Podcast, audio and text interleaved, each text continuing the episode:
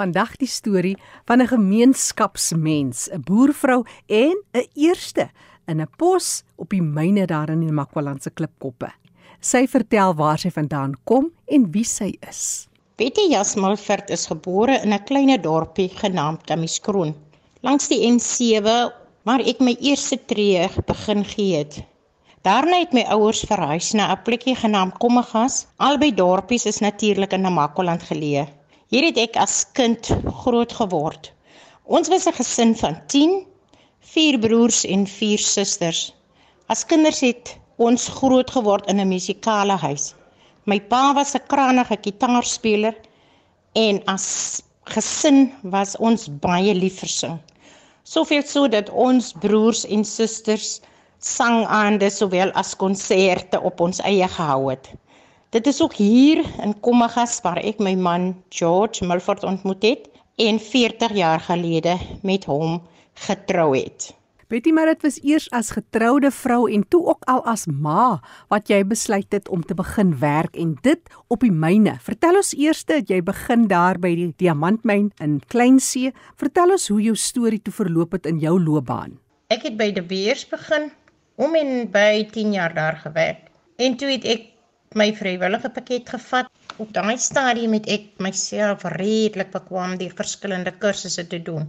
Want ek glo 'n vrou as jy 'n spasie het, jy dit nuttig moet gebruik om jouself te bemagtig. Daarna het ek my eie besigheid in Kommegas begin wat my baie meer gemeenskapsbetrokke gemaak het. 'n Paar jaar daarna het ek besluit om 'n bietjie dieper in myself te delf en my vlerke verder te sprei deur te kyk na ander geleenthede wat daar buite op die myne is.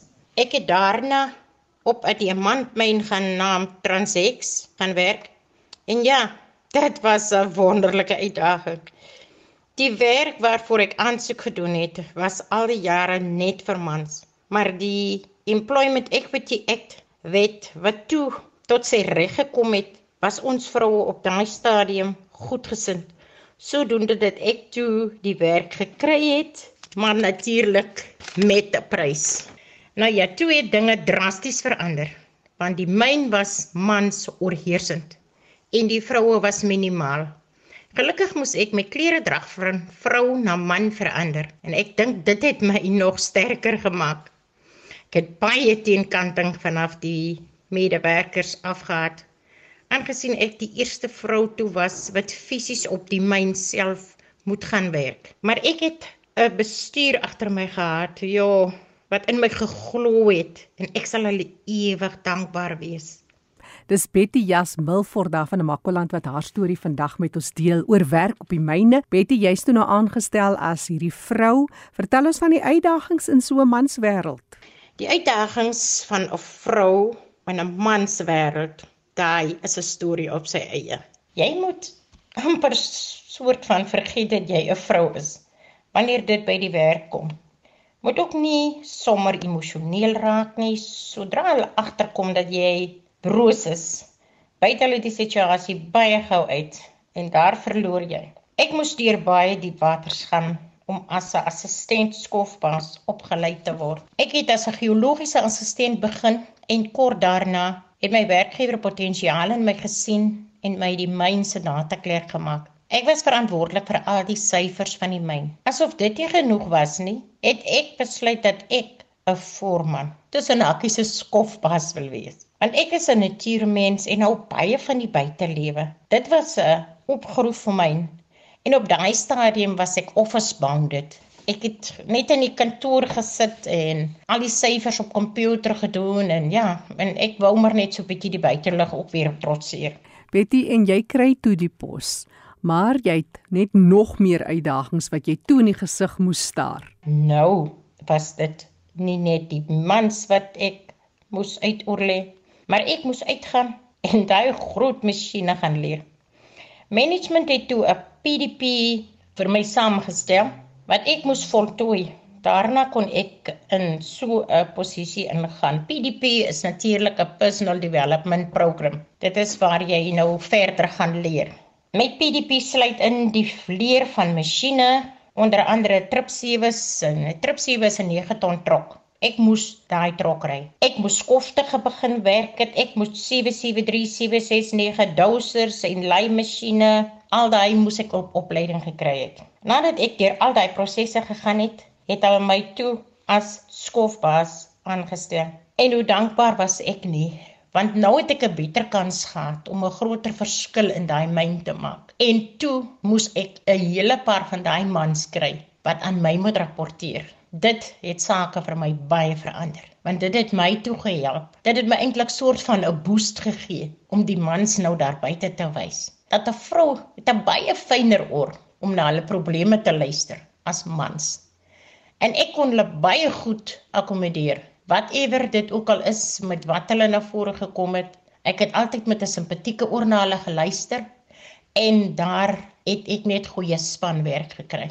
Betty, dit was nogal 'n groot ding, eerste vir 'n vrou om dan nou skofbaas te word.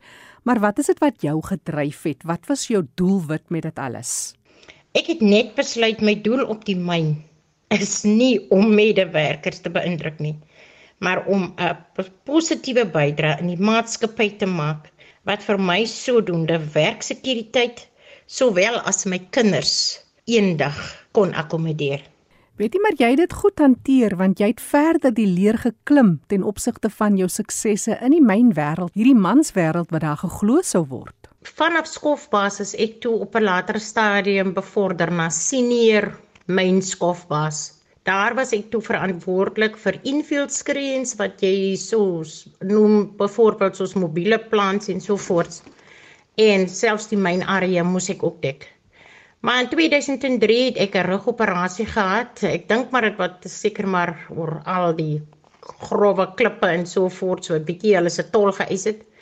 En ongelukkig in 2013, 10 jaar later, toe moes ek die werk verlaat weens mediese redes, maar ek was toe geboord geweest en ja, dit is hoe ek toe aan die einde van my mynbedryf gekom het, maar ek sien nog elke dag kyk ek terug na al die suksesse wat ek bereik het op 'n myn. En ek wil elke vrou daar buite aanmoedig om te gaan vir dit wat jy in glo en die keuses wat jy maak is die keuses wat jou kan bring waar jy wil wees.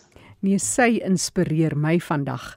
Betty Jas Milford 'n besondere gemeenskapsvrou van Kommagas daar in Makwaland wat haar storie vandag met ons gedeel het. Sy werk nou nie meer in die myn nie, maar deesdae is sy baie betrokke met haar veeposboerdery. Op 'n ander dag vertel sy van haar besondere bokke, haar skape, varke en ek dink daar's ook 'n koei of twee. Ek is Jackie January wat groet tot 'n volgende keer.